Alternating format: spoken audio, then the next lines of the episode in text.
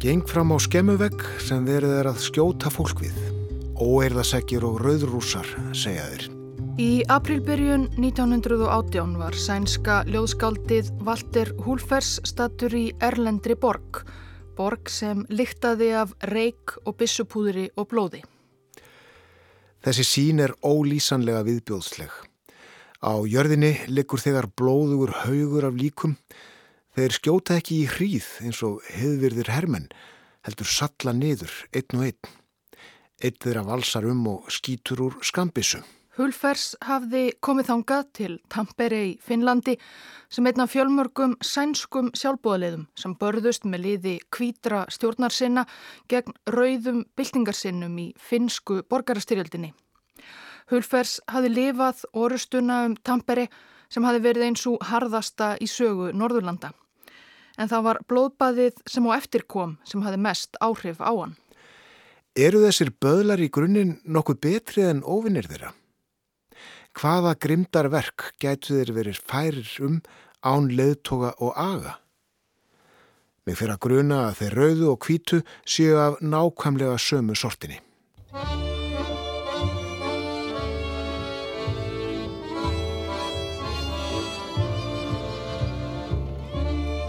Svaf vel og lengi, las mikið um César sem stendur er rólegt í Petrograd. Eitthvað á þessa hverstagslegu leið ritaði Nikolás Annar rúsakeisari í dagbúk sína 16. mars 1917 og myndist lítið á það að daginn áður hafði hann skrifað undir afsögn sína sem keisari Rúslands og um leið í raun endalok Rúslands sem keisaradæmis. Afsögn Nikolásar kom í kjölfar februarbyltingarinnar svo kalluðu í mars byrjun 1917 viðtækum mótmælum dögum saman gegn keisarastjórninni, kostnaðarsamri þáttöku rúsa í heimstyrjöldinni fyrri, fátækt og misrétti. Fregnir af afsögn keisarans bárust fljótt um fyrirverandi veldi hans, líka út á þess ista jæðar. Finnland hafi tilheyrt rúsneska keisaradæminu í Rúma öld frá því að svíjar letu það af hendi til rúsa 1809. Sem stórfurstadæmi innan keisaradæmi sinns hafði Finnland nokkara sjálfstjórn en ekki nægilega að mati flestra finna. Finnsk þjóðarnisvitund óks og marga finna bæði á hægri og vinstri vang stjórnmálana hafði lengi dreymt um að Finnland stæði á eigin fótum og í ringulreiðinni sem fyldi falli keisarans sáu þeir tækifæri. Finnland hafði reyndar sloppið ágætlega í fyrri heimstyrjöld hinga til. Stríðið tegði ánga sína vartla þangað og finskir karlar voru ekki kvattir í rúsnenska keisaraherin. Almennt grættu finnar framanaf í stríðinu eftir spurn jógst eftir finskum málmum fyrir hernaðar uppbyggingu rúsa og finskum mjölkurvörum ofan í soltna hermenn. Tugþúsundir finna fengu vinnu í hernaðartengdum yðnaði. En skjótt skipaðist svo veður í lofti.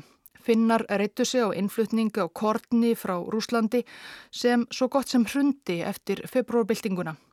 Verð á mat og nöðsynjavörum ruku upp og von bráðar blasti matarskortur og jafnvel hungursneið við finnum. Finskir verkamenn rúsneska hersins streymdu heim í atvinnuleysi og eimt. Sænskur prestur sem heimsótti Úlú við Helsingabotn í júni 1917 skrifaði heim að borgarbúar ætu trjábörg. Undir keisaranum höfðu finnar átt landsþing sem kosið var í almennri kostningu landsmanna og hvenna Finnland var fyrsta landið í Evrópu sem veitti konum kostningarétt 1906 en þingið hafði hingað til verið valda lítið hinn raunvurlugu völd í höndum rúsa. Sósialdemokrater og aðrir vinstrimenn voru í meiri hluta á þingi 1917. Sósialdemokratin Oskari Tokoi fór svo fyrir finsku ríkistjórninni sem skipuð var bæði vinstri og hægrimannum. Við völdum austur í Pétursborg eða Petrograd eftir fall keisarans tók hins vegar bráðabyrðastjórn undir fórustu byltingamannsins Aleksandrs Kerenski Allavega nafninu til. Bráðabyrðastjórnin þurfti að klíma við öfluga andstöðu frá enn vinstri sinnaðri öflum, bolsjevíkum Finnlands vinarins Vladimirs Lenins. Í Finnlandi eruð margir á vinstrivagnum hallir undir Bolsevika, ekki síst þar sem þeir sögðust fylgjandi fullu sjálfstæði Finnlands. 18. júli 1917 samþykti finska landsþingið undir stjórn sósjaldemokrata svo gulluð valdalög sem færðin er öll völd yfir finskum málum frá Rúslandi og í hendur þingsins.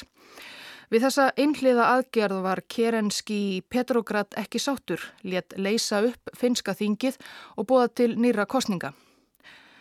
Í kostningunum í oktoberbyrjun 1917 byðu sósjaldemokrater ósigur, borgarleir flokkar náðu naumum meir hluta þingsæta. Úslitinn voru vinstrimönnum mikil vonbriði og verðu ekki til að læja öldur. Vinstrimenn dæmdu Þingrof Kerenskís ólöglegt, höfnuðu úslitunum og sungu nýðvísur um Kerenski á gödumúti.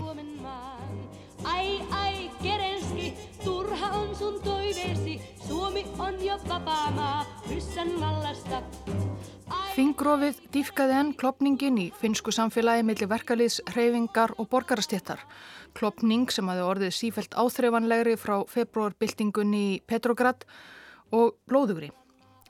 Áþreifanleg dæmi um rúsnest yfirvald hurfu með keisaranum. Láreglan í Finnlandi hafi lotið rúsneskri stjórn og leistist í raun upp eftir að keisarin var settur af. Finnar áttu svo engan hér.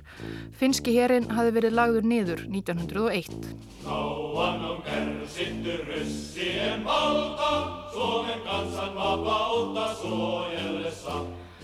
Í stað lauruglu og hers mynduðu almennir finnar nú ímskonar félagskap til að halda sjálfur lögum og reglum. Finskir borgarar og bændur gengu í svo kallar varnarsveitir til að verja eigur sínar sig og sína.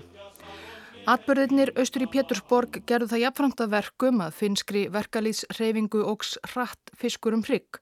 Fólk streymdi til liðsvið bæði Sósialdemokrataflokkin og Ímis verkalýðsfélög og baráttusamtök. Vinstrimenn og verkamenn mynduðu einnig sínar eigin varðsveitir, svo kalladar rauðliðasveitir. Við ringulreðina bættist að í Finnlandi voru staðsettir um 10.000 rúsneskir hermenn sem eftir byltinguna réðu sér nú sjálfur. Rúsnesku hermennir voru hlýðhollir bolsevíkum heimaferir og mættu gerðnan á fundi og í kröfugöngur finsku verkalýsreifingarinnar til stuðnings.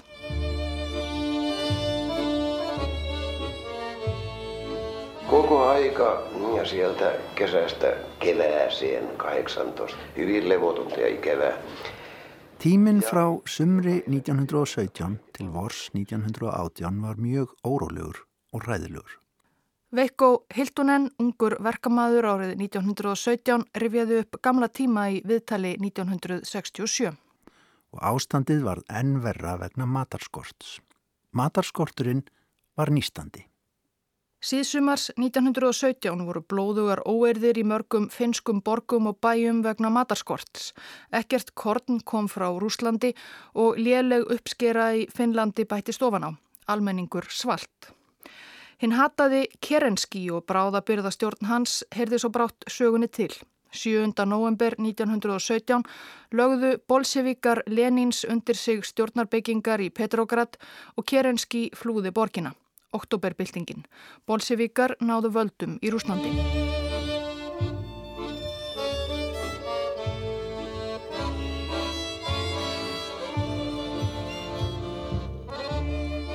Finska verkaliðsreyfingin hafi verið að mestu friðsum hinga til en innan reyfingarinnar urðu nú áköllum byltingu eins og í Rúslandi háværari. Bólsevikar í Petrograd íttu undir þetta. Viku eftir byltingu Bólsevika 14. november lísti finska verkaliðsreyfingin yfir allserjar verkvalli. Markmið verkvallsins að sögn var að ná fram ímsum kröfum meðal annars um 8 tíma vinnudag en líklega hefur markmiðið einnig verið að skapa jarðveg fyrir byltingu.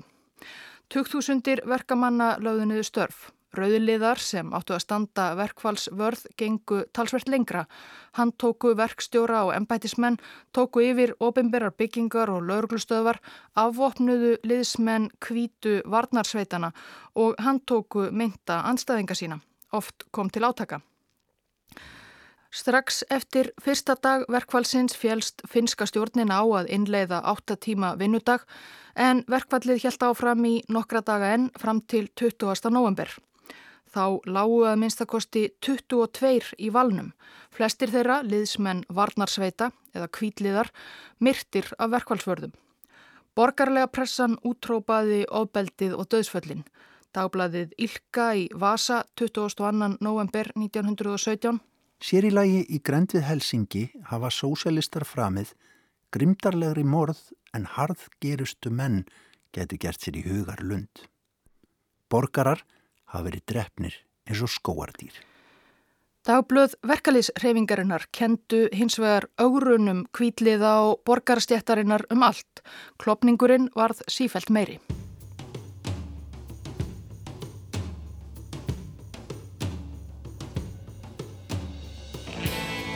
Menestyksemme viittaa siihen, että historia odottaa myös meitä jotakin, että meidänkin on suorittava tehtävä, 27. november skipaði finska þingið aðalsmannin Per Eyvind Svínhúfuð sem hér flyttur nýjárs ávarp löngu síðar eða 1935 fórsættisráð þeirra í borgarleiri ríkistjórn án aðkomu vinstrimanna.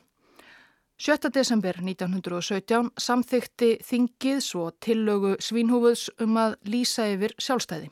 Hér með hefur finska þjóðin tekið örlög sín í eigin hendur. Okkar aldagamla frelsis þrá er uppfyllt. Finnland ættið að ganga í raðir annara landa heims sem sjálfstæð þjóð. Sósialdemokrater kusu á móti, vildu sjálfstæði á eigin forsendum en ekki borgarstjættarinnar. En á síðasta degi ársins 1917 skrifaði Vladimir Lenin undir viðurkenningu rúsnænskra stjórnvalda á sjálfstæði Finnlands.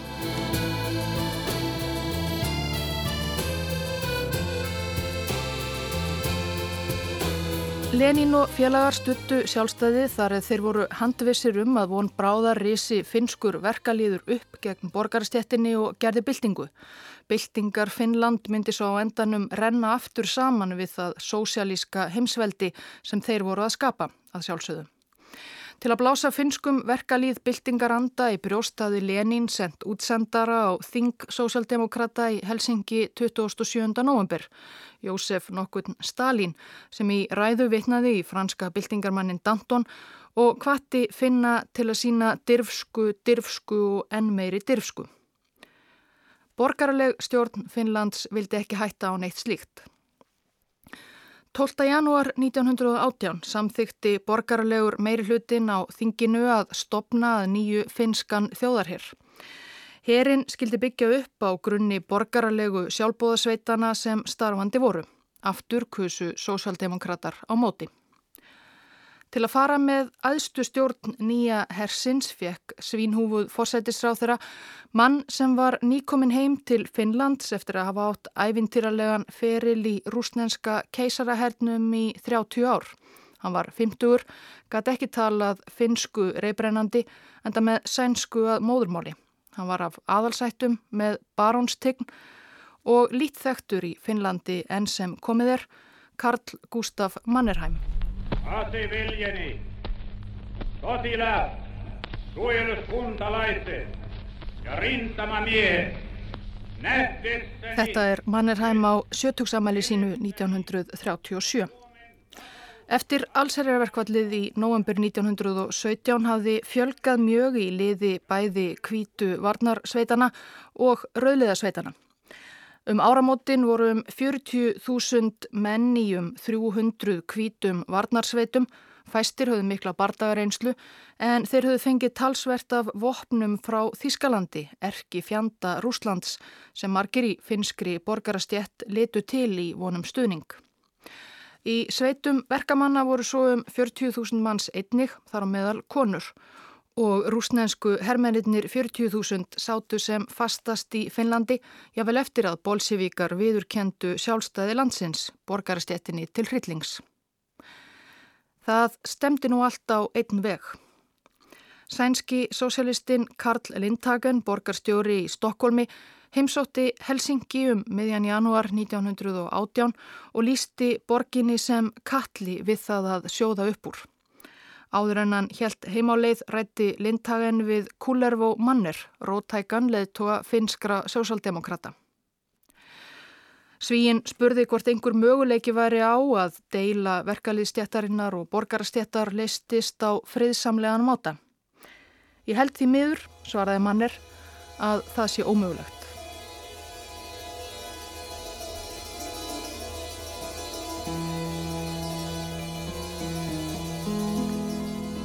Skömmu fyrir miðnætti sunnundaskvöldið 27. janúar 1918 var tendruð rauð lukt í turninum á húsi alþýðunar í miðborg Helsingi.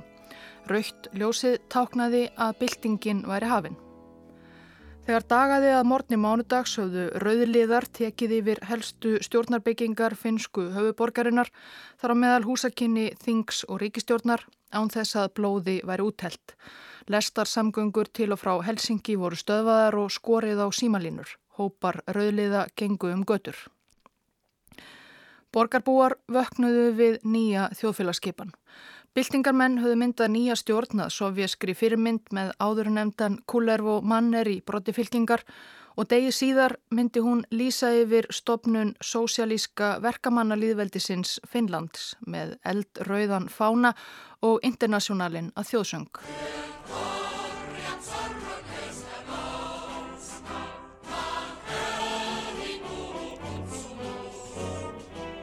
Rauðliðar handtóku þá þingmenn borgarlegu flokkana sem þeir rákust á en marga hafi grunað hvað var í vandum og tekist að flýja norður til borgarinnar Vasa í Östurbotni á vesturströnd Finnlands þar sem verkaliðshreyfingin hafi minni ítök.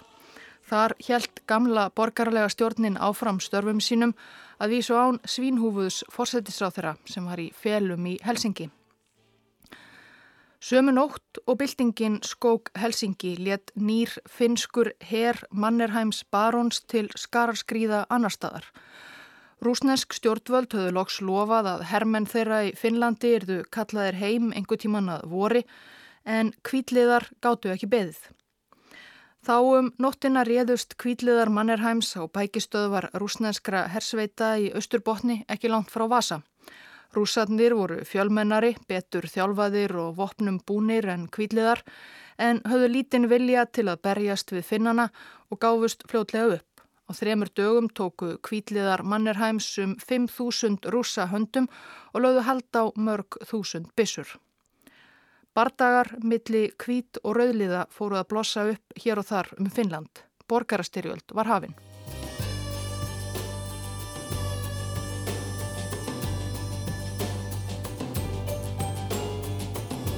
Víglínan var dregin þvert í gegnum landið frá vestri til austurs. Rauðliðar höfðu sterkasta stöðu í siðsta hluta landsins í Helsingi og öðrum stórum yðnaðarborgum Finnlands, svo sem Turku og sérilagi Tampere. Þessar borgir fjallu fljótt í hendur rauðra á eftir höfuborginni.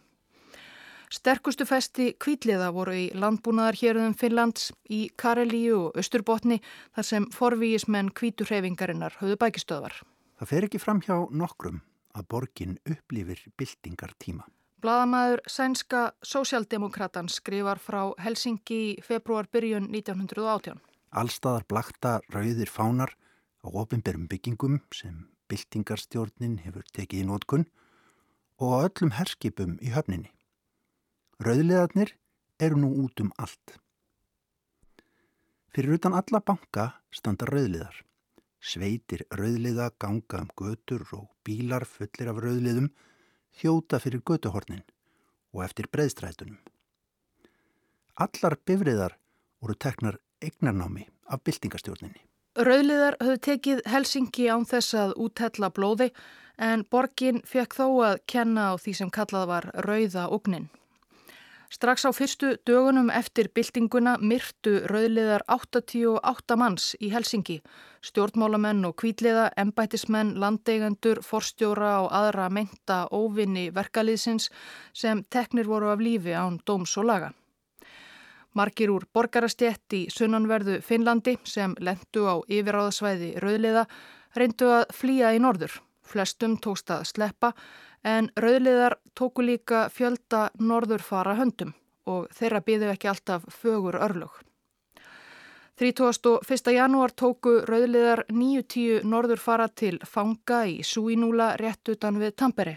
Rauðliðar skutu á fangana sem stóðu í napp og 17 lágu í valnum áður en yfir lauk. Fjöldamorðið vakti hrylling þegar það spurðist út en fleiri handsamaðir norðurfarar áttu eftir að hljóta svipuð örlög.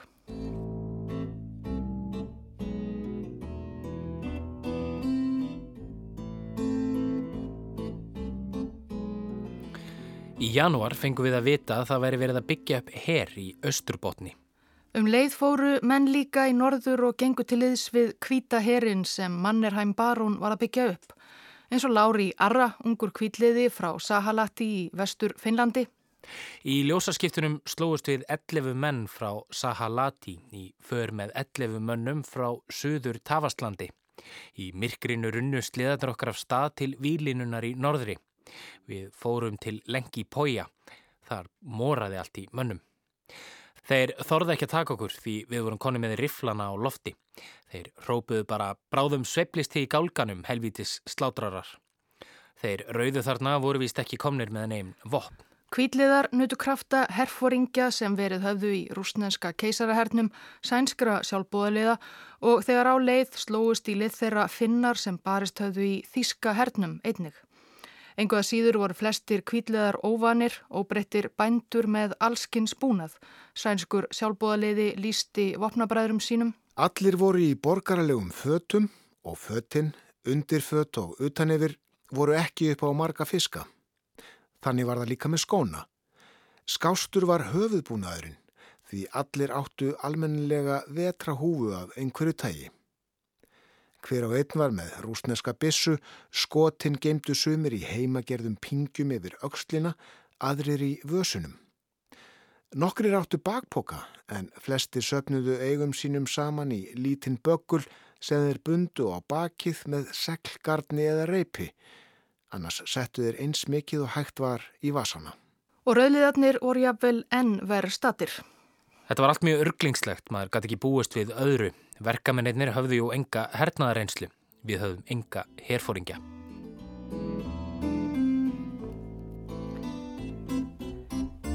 Mörg hundruð fengu að kenna á rauðu ógninni á fyrsta mánuði stríðsins, þeirri kvítu sömu leiðis. Um miðjan februar var borgarstyrjöldin komin á fullt og skærur melli kvítliða og rauðliða í borgum og bæjum. 19. februar réðust kvítliðar á smábæin Varkás. Hann var á þeirra eigin yfiráðasvæði langt norður af viglínunni en bærin sem sprottið hafði upp í kringum sögunarversmiðu hafi verið á valdi rauðleiða frá því allserjar verkfallinu í nóumber, einangruð rauð eiga í kvítu hafi. Um 1200 rauðliðar heldu til í sögunarversmiðunni en hafðu bara um 150 bissur á millisín.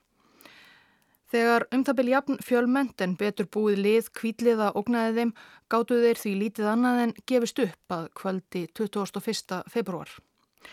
Þar sem þeir rauðu gengu í rauð út úr versmiðunni og út í nóttina sigraðir tóku kvítliðar einn og einn mann afsýðis, svona tíundakvenn, að þér virtist að handahófi og skutu þá, tóku af lífi.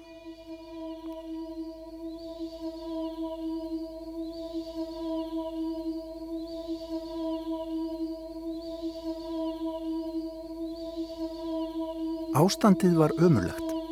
Það var miðnætti. Brennandi sögunarverksmiðjan lísti upp sviðið. Teppo Sorri var kafteinni liði kvítra í Varkás. Niður lútir fangar, marseriðu hægt yfir brúna. Þegar hluti var tekinn til hliðar fyrir síðasta ferðalæð, heyrðust hjartaskerandi áköll og grófar bölvanir frá þeim döðadæmdu. Um 80 rauðliðar voru teknir af lífi þarna um nóttina. Eftirlifandi föngum var tróðið inn í litla kirkju versmiðunar. Þar var slegið upp herréttarhöldum og 87 til viðbótar að lókum dæmtir til dauða og skotnir til bana.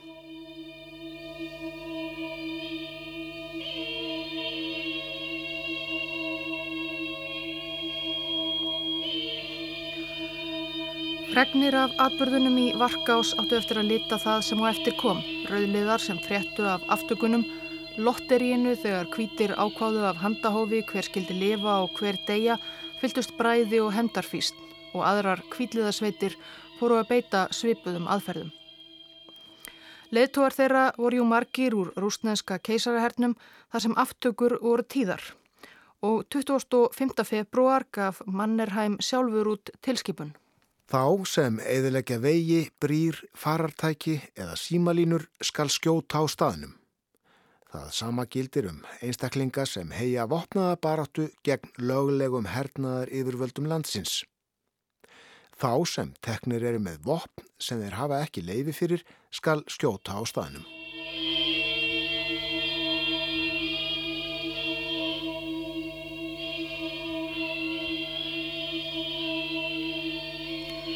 Tilraunir rauðliða til að sækja norður lengra inn á yfiráðasvæði kvítra gengur brösulega. Sókn kvítliða inn á yfiráðasvæði Rauðra hófst svo fyrir alvöru í mars. 28. mars réðust kvítliðar á höfuðvíi Rauðra, þriðjustæstu borg Finnlands og helstu yðnaðarborg Tampere eftir að hafa lagt undir sig bæina í kring dagana og undan og umkringt borgina. Það voru úrvals hermenn kvítliða sem verið höfðu í Þíska hernum sem leittu ára á Tampere.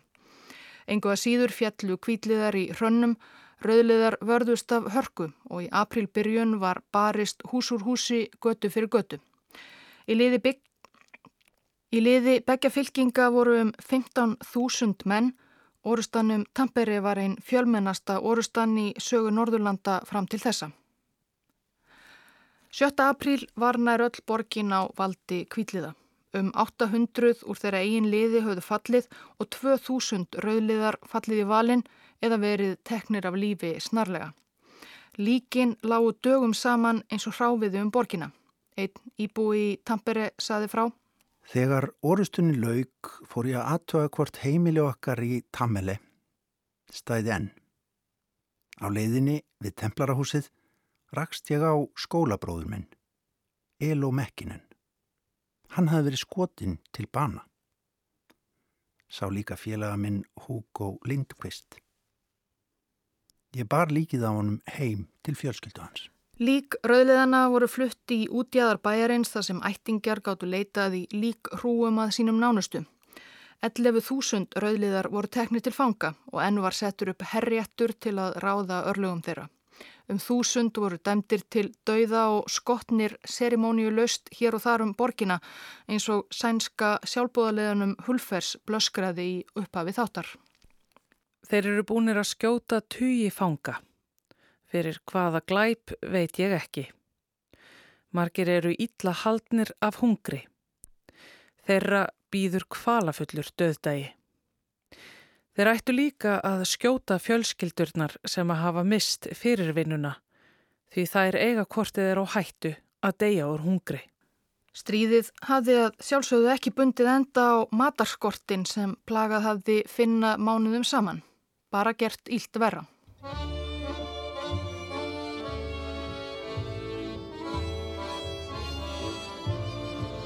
Sigurinn í Tampere var kvíliðum mikilvægur og var byrjuninn á endalokum hinn að rauðu. Stríðinu var þó alls ekki lokið enn. Mánuði áður, 3. mars, hafði stjórn Bolsevika í Rúslandi undirritað samning við miðveldin í fyrri heimstyrjöld, Þískaland þar fremst í flokki, um að draga sig úr stríðinu. Rúsland að niður lótum komið félst á ymsar kröfur þjóðverja meðal annars um að afsala sér öllu tilkalli til Finnlands. Ef þeir krefjast þess að við drögum herlið okkar frá Finnlandi verður svo að vera. Lenín á fundi miðnemdar Bolsevika um þetta leiti. Þeir mega eiga Finnland byltingarinnar. Ef við gefum þeim Finnland og Ísland getum við bjargað okkar eigin byltingu. Við höfum gert það sem við gátum. Svo rauðu finnarnir stóðu nú einir. Á móti leitaði stjórn Svínhúfuðs í Vasa nú á náðir þjóðverja sem vildu Olmir komast til áhrifa í Finnlandi, Granlandi, Rúslands. Eftir orustuna í Tampere gengu þúsundir þýskra hermana á landi í Suður Finnlandi, alvöru hermenn, margar eindir af augvöllum heimstýraldarinnar í enkennisbúningum og með hjálma og almennileg vopn.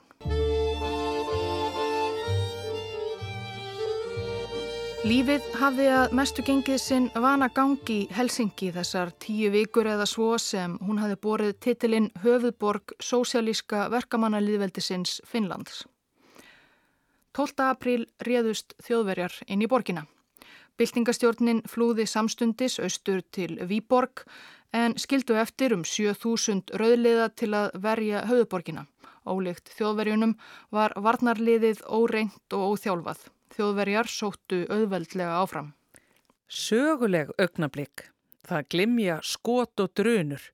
Það var verið að berað á fyrstu sem særðust hérna framhjá áðan. Elsa Eglund, skólatelpa í Helsingi, skrifaði í dagbók sína. Rauðliðarnir hlaupa fram og tilbaka.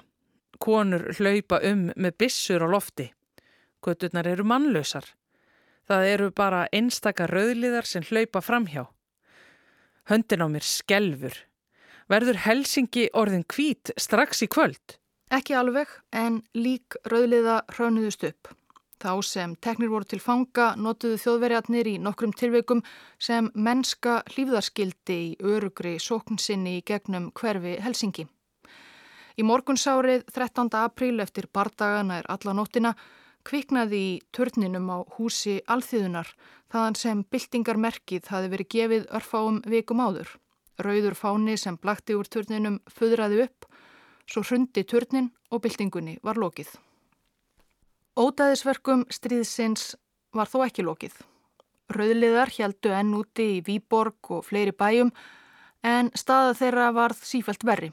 Frá Helsingi og nákrenni flúðu þúsundir rauðliða á samt fjölskyldum sínum og fleira flótafólki í austur, í áttað Výborg eða kannski Rúslandi byltingarinnar. Þjóðverjar höfðu ekki haft sama hemdar þorsta og finsku kvíliðarnir og því ekki tekið eins marga fanga í Helsingi og kvíliðar gerðu jafnan, nýja tekið menn af lífi. Kvítir finnar fylgdu fast á hæla flótafólksins og fylkingunum lendi saman í bænum Latti um 100 km norðaustur af Helsingi í lok april. Rauðliðarnir þó miklu fjölmennari gáfust upp 1. mæ. 30.000 voru teknir til fanga og komið fyrir í fangabúðum. Að minnstakosti 1000 fangar voru svo teknir á lífi.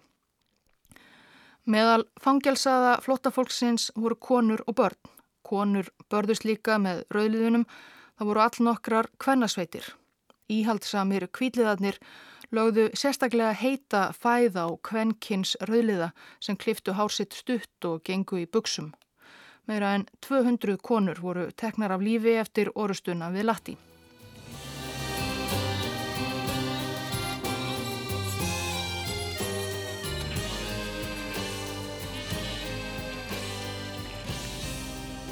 Rauðliðar sleftu nú einning af sér beislinu þegar augljóst var orðið að stríðið var að tapast og fóru að taka fanga sína af lífi í enn meiri mæli.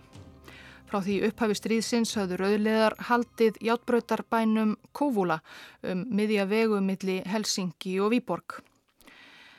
Í útjæðri bæjarins var fennjóttur akur sem rauðliðar höfðu notað sem aftökustað, skotið andstæðinga sína og stjett svikara til bana og grafið í grunnum gröfum í hálf friðin í jörðinni. Rauðliðar myrtu um 120 manns í Kúvúla, flesta undir lók stríðsins. Í mæbyrjun sýruðu kvítliðar Kúvúla. Rauðum föngum þeirra var þá skipað út á blóðakurinn að grafa upp lík eigin fornarlamba. Því næst voru þeir látnir þvó líkin sem mörgver hafðu leiðið í jörðinni vikum saman. Jafnóðum og fangarnir grófu líkin upp, fylltu kvítliðarnir grafinnar að nýju með rauðliðum sem teknir voru af lífi og fenguð að kvíla í gröfunum sem þeir sjálfur grófu. Eftirlifandi fangar fóru svo með líkin í miðborg Kúvula þar sem þau voru hafð til sínis til vitnis um skeppnuskap ofinarins.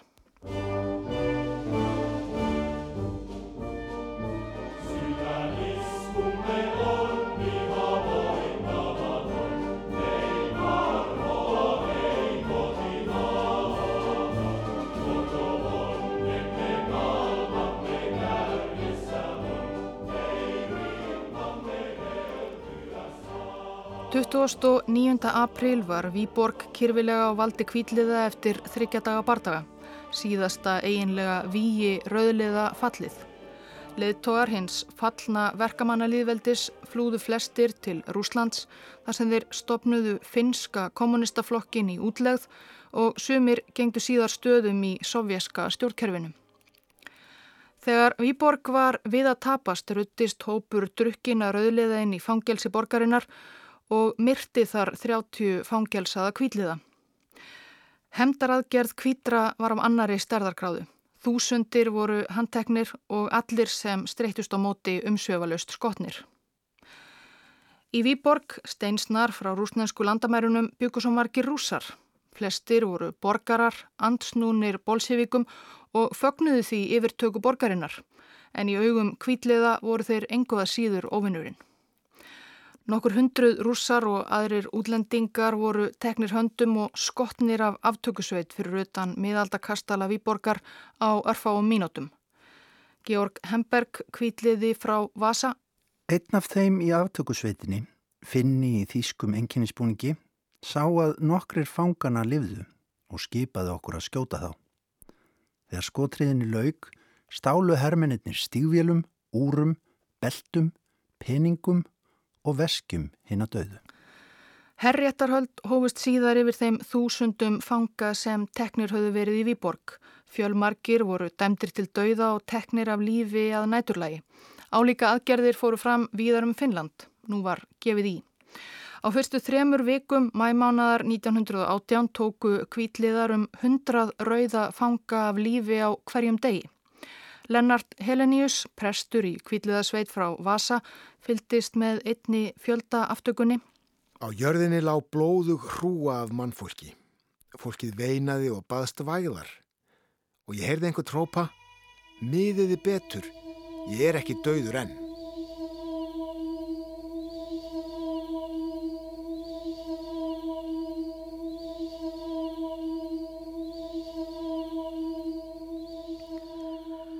Í lok mæ batt stjórn Svínhúfuðs fósætisráþurra sem var þá afturfarin að þinga í Helsingi eins og ekkert eða í skorist, loks enda á aftökur hérna óformlegu herrdómstóla. Þá hafðu um 10.000 verið teknir af lífi í kvítu ógninni. Rauðilegar hafðu á meðan tekið um 1700 manns af lífi. En hörmungunum var ekki lokið enn. Í stríðslokk voru 80.000 rauðir fangar í haldi sigurverana. Þeim var hrúaðinn í fangelsi og fangabúðir þar sem aðstæður voru ömurlegar. Matvæla ástandið hafði ekki batnað í Finnlandi og fangar voru ekki efst á forgangslista stjórnvalda. Næstu mánuðina dóu 14.000 fangar úr hungri þorsta eða úr spænskuveikinni, rikkjasótt og fleiri smitsjúkdómum sem grasseriðu í fangelsunum. Það er hræðilegt að sjá hver fangarnir þjást. Fjöldi fólks deyr úr sulti og sjúkdómum. Og það er það sem er tilgangurinn. Þeir skjóta þá ekki því þeir vilja ekki hafa svo mörg líf á samviskunni. Svo þeir skella skuldinni á Guð sem sendir sjúkdóma á fangana. Markir dóu áður en sérstakur landráða domstól náði að taka fyrir mál þeirra. Dauðin herjar á okkur. Ungir menn rinja niður eins og flugur. Gunnar Mörn, fangelsaður, bladamaður og sósialisti. Í dag var ég slegin djúbrið þrá eftir ástvinn mínum heima. Ef þetta heldur lengi svona áfram, hef ég þetta ekki af. Þetta er svo sárt í sálinni. Mörn var dæmdur til dauða fyrir áróðurskrif og tekin af lífi 7. september 1918. 555 voru dæmdir til dauða af landráðadómstólnum en aðeins hluta dómana var það endingu fullnægt. Á næstu árum var fjöldi fangana náðaður þeir síðustu af fyrstu ríkistjórn finskra sósjaldemokrata 1927. Stríðinu lauk formlega 15. mæ 1918 þegar rúsneskir hermenn sem haldið höfðu til í virki við Kirjálabotn lögðu loks niður vopn og hypiðu sig. Allt Finnland var þá orðið kvít. 16. mæ reið Mannerheim barón Sigri Rósandi um götur Helsingi með menn sína, bara byrjunin á nýjum ferli sem átti eftir að gera hann að dáðasta finna allra tíma. 38.000 manns fjallu í borgarstyrjöldinni á rúmum þremur mánuðum um 1,2% finsku þjóðarinnar fæstir fjallu á vývælinum, aftökusveitir og fangabúðir heimtu flest lífin. 20.000 særðust, 25.000 börn mistu foreldri. Böðlatnir úr liði kvítra þurftu fæstir að svara til sakan.